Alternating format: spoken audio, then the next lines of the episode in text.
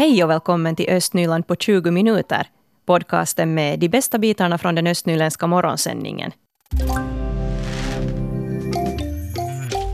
Ni känner kanske till att Borgå stift har fått en ny biskop, Bo-Göran Åstrand. Och för biskopsparet Bo-Göran och Karin Åstrand så gick flyttlasset från Jakobstad till Borgå senaste veckoslut. Och det första som packades upp i Biskopsgården var faktiskt cornflakes och skålar till morgonmålet. Vi har tagit med sånt som vi, sånt som vi tänker att, att det vi behöver här och sen mycket också sånt som påminner oss om, om det vi hade här, det liv vi levde innan vi kom hit så att säga. Uh, lite speciellt kommer ju det här att, att, att, bli. Vi, har ju, vi flyttar från ett, från ett egna hemshus till ett sånt här hus, så det är klart att infallsvinkeln blir en annan. Det som vi ser mycket fram emot är ju det som kommer att hända här i nedre våningen när alla gästerna kommer på besök, både de som finns här i Borgo men sen också runt om i, i stiftet. Hit kommer kanske ungefär 600-700 gäster per år. Så jag och Karin vi ser nog fram emot de här mötena som vi kommer att ha här. Och det här blir en ny dimension i vårt sätt att bo. Jag tycker att det är en jättefin tradition vi har i Borgå stift. Vi har en sån här samlings och mötesplats där eh, de som är engagerade i kyrkan på olika sätt kan träffas vid högtidliga och festliga tillfällen. Men det är klart att sen när det här blev verklighet och jag insåg att nu ska huset packas ner och sen så ska vi hitta oss i den här kontexten, då var det ganska många tankar som snurrade. Och det har det varit också under de här senaste veckorna, just nu när vi är mitt uppe i flytten. när du insåg att okej, okay, nu blir det här flytt till Borgo, vad var det första du tog reda på om Borgo? Eh, jag kollade att visst är det okej okay att man kan ha hunden med här, därför att det, för oss är det viktigt att eh, labradoren Doris kan vara med åtminstone uppe i andra våningen. Och eh, sen så det här, eh, kollar vi lite också de här omgivningarna här där vi kommer att promenera med hunden. Karin och jag vi kopplar av på det sättet med långa promenader. Och vi märkte att här finns ju härliga och fina miljöer och landskap att gå i, så det ser vi nog mycket fram emot. Du har hunnit sova nu några nätter i det nya huset. Hur känns det? Ja, eh, det känns ju annorlunda liksom det här att man, att man ska pendla mellan två våningar. En som är den privata delen och en som är då den här mera då representationsdelen. Och innan man har kommit underfund med hur allting funkar här och, det här, och rytmen här utanför med hur ljuset faller och sen småningom hoppas vi träffa våra grannar och sånt här så ja, nog känns det annorlunda. Och i och med att vi har bott så länge på samma ställe var vi bodde innan vi kom hit. Så där överlag, vad, vad är viktigt för dig i ett hem? Att man trivs. Och att, att när, eh, dels att vi själva trivs, och det kommer vi nog att göra här, liksom när vi, när, när, det känner vi att i atmosfären i det här huset så den är, den, den är varm i sig. Och sen minns vi från de gångerna vi har varit här också att vilken fin stämning det är när, när, när, när människor och gäster kommer på besök. Och det är nog det som är viktigast för, för Karin och mig, att det finns en sån här enkel, naturlig atmosfär där människor får känna sig välkomna. Så vill vi ha det också här. Vilken flyttlåda packade du först upp? Den första flyttlådan, så det, no ja, det, var ju, det var det här äh, flingorna och det här cornflakesen och äh, kärlen till morgonmålet. För jag tänkte det måste man ju åtminstone ha här och jag hittade den efter ett visst sökande. Den här veckan har du ju också börjat ett nytt jobb som biskop. Har du varit nervös? Eh, jag hade en bestämd känsla när jag gick till, till, till, jobbet och det hade jag också första gången när jag var här i sommar och gick till en medarbetarsamling och lite, lite så att säga nosa på jobbet. Och jag tänkte varifrån kommer den där känslan? Och ännu på eftermiddagen så hade jag den där känslan men jag, jag tänkte var har jag känt den här tidigare? Sen kom jag underfund med på kvällen när jag reflekterade över dagen att det är samma känsla som jag hade när jag började på första klassen i skolan. Och den känslan har inte jag faktiskt haft på jättelänge. Och, och jag tänker så här att som 54-åring få ha den känslan en gång till. Att här är nytt. Förstås, jag känner ju en del av jobbet. Domkapitlets personal känns sedan tidigare. Och jag har ju jobbat på olika ställen i kyrkan och, och, och så här. Men ändå det här är nytt. Och, och, jag är glad över att få vara i ett sånt här skede där jag kan ha den här känslan att wow, jag får gå till ett nytt jobb, jag får lära mig nya saker, jag får det här eh, jobba tillsammans med, med, med fina medarbetare och, och, så här. Så det känns bra. Samtidigt så vet jag också att de medarbetare jag hade i Jakobstad, så visst, jag kommer ju att sakna dem, för det var också en fin tid. Men jag ser mycket fram emot det här nya. Och det konstaterar Bo-Göran Åstrand som är ny biskop vid Borgå stift. Och det var Lone Widerstam som hade träffat honom. Söndagen den 29 september så är det biskopsvigning i Borgå domkyrka och den här tillställningen sänds också direkt i TV.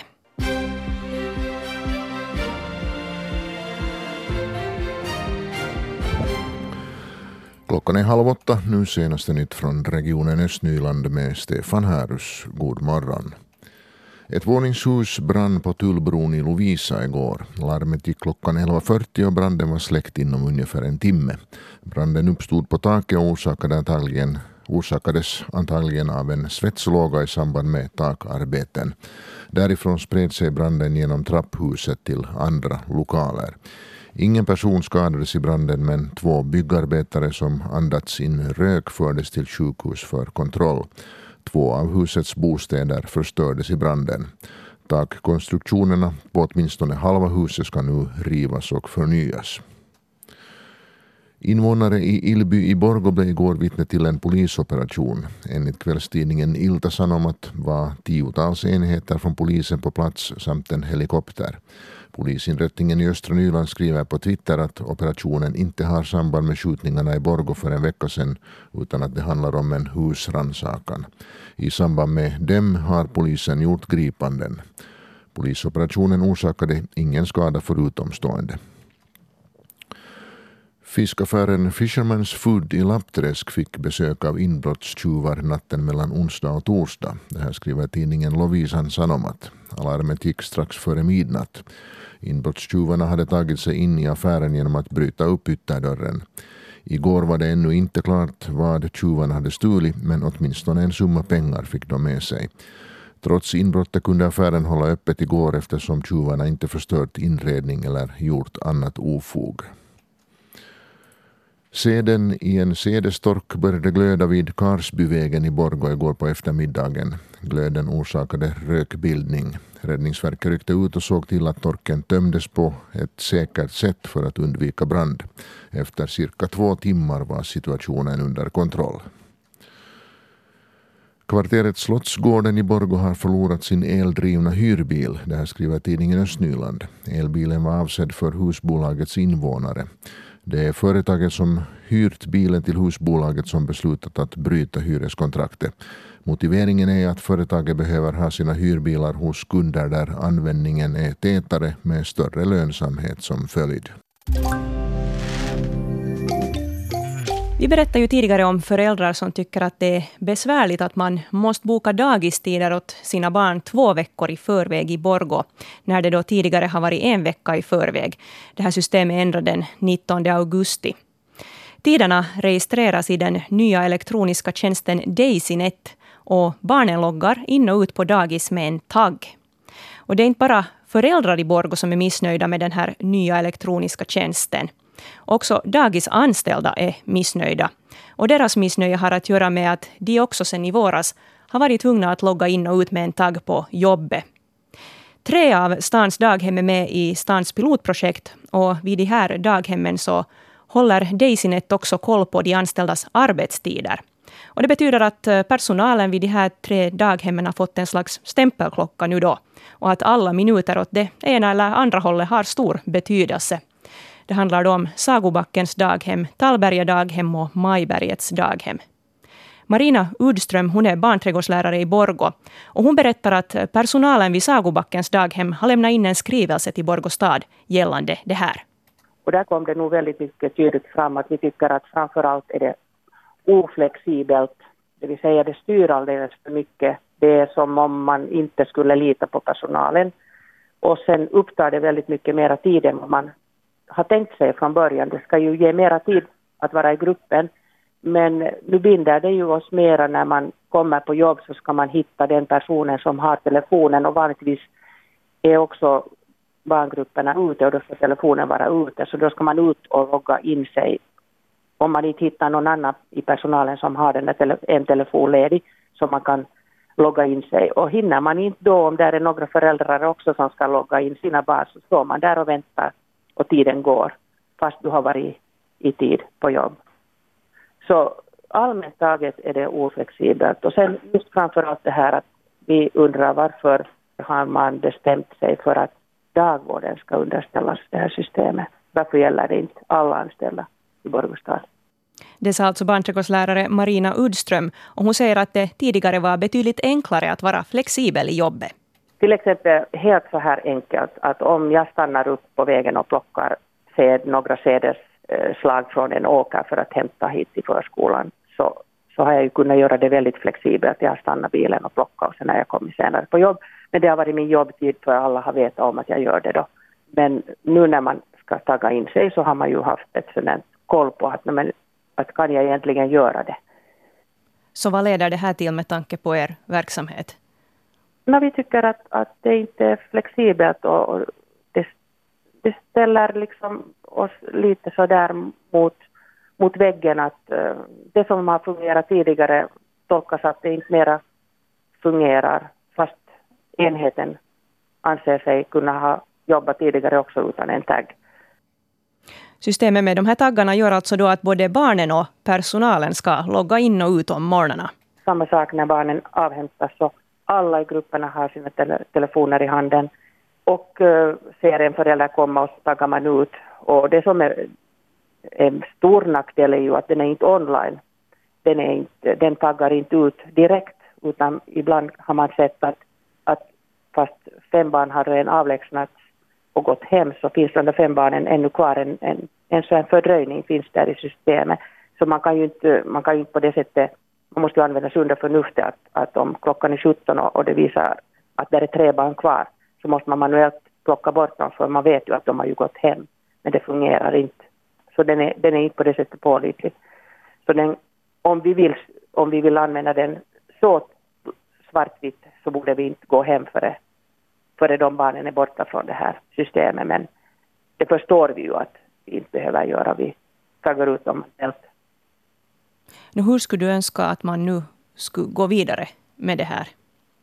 Uh, jag förstår att Borgostad önskar att det här systemet ska fortsätta när det gäller föräldrarnas uppgift att uh, sätta in dagvårdstider. Det är helt på sin plats för att uh, använda platsen på rätt sätt dagvårdsplatsen på rätt sätt. Men däremot är det min personliga åsikt och många andra stöder mig i den åsikten att personalen borde nog få plockas bort från systemet.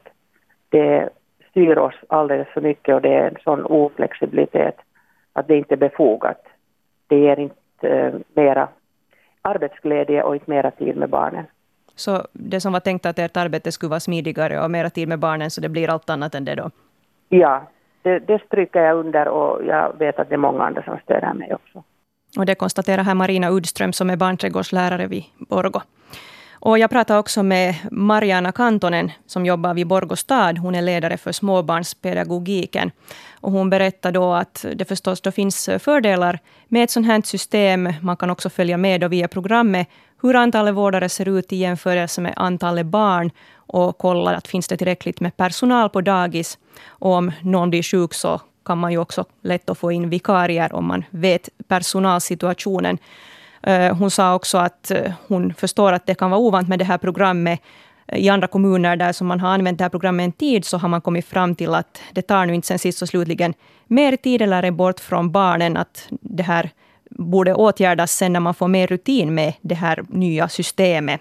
Men hon tyckte förstås att det var tråkigt att eh, personalen upplever situationen så här. Och hon sa också att allting kan utvecklas ännu. Det här arbetet har ju kommit igång nu först i och med att det är ett pilotprojekt och staden ska också utvärdera hela den här situationen här efter den här eh, pilotperioden som avslutas här nu i mitten av september.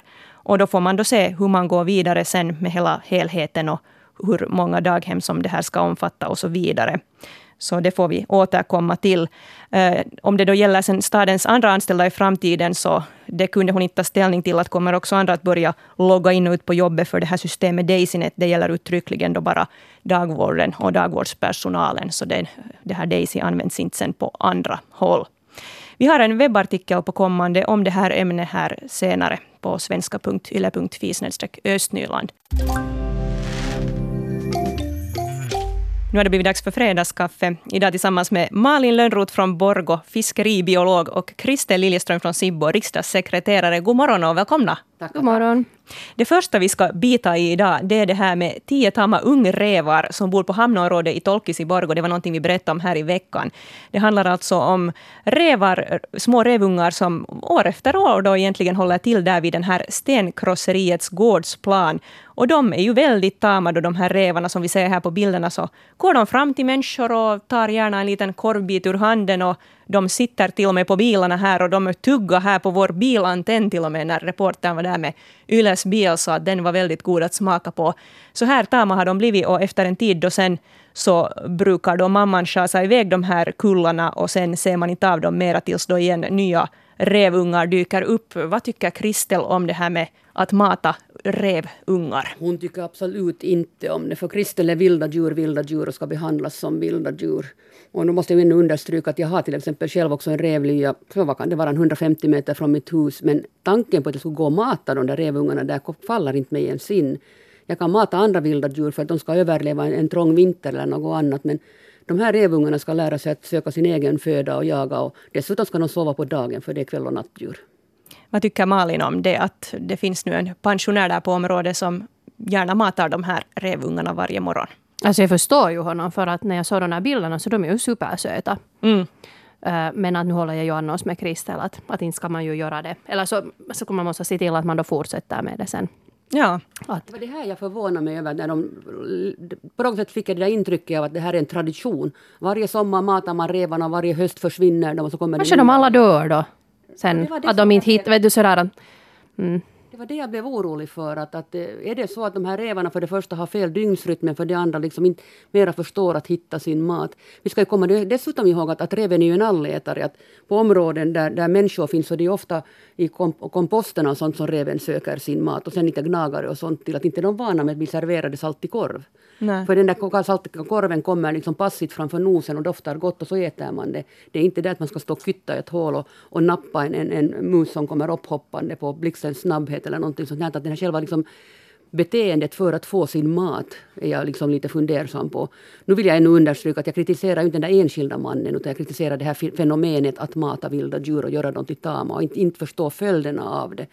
För att ofta det, jag menar, varje höst hör vi det här också, att börjar du mata fåglarna så ska du mata hela vintern. Och börjar du mata en katt eller en igelkott så ska du liksom göra det fortlöpande. Du kan inte sen bara mitt i allt fara till södern två veckor och, och, och lämna det ogjort för då står det där stackars djuret där och inser inte vad som har hänt utan låter sig svältas ihjäl. Mm. Mm. Det har ju varit lite den där kritiken också, alltså jag tycker ju massor om att fota Ja. Sen jag ju genast på de här rävarna. Att jag där skulle vara liksom tacksamt fotoobjekt, att man skulle sitta supernära.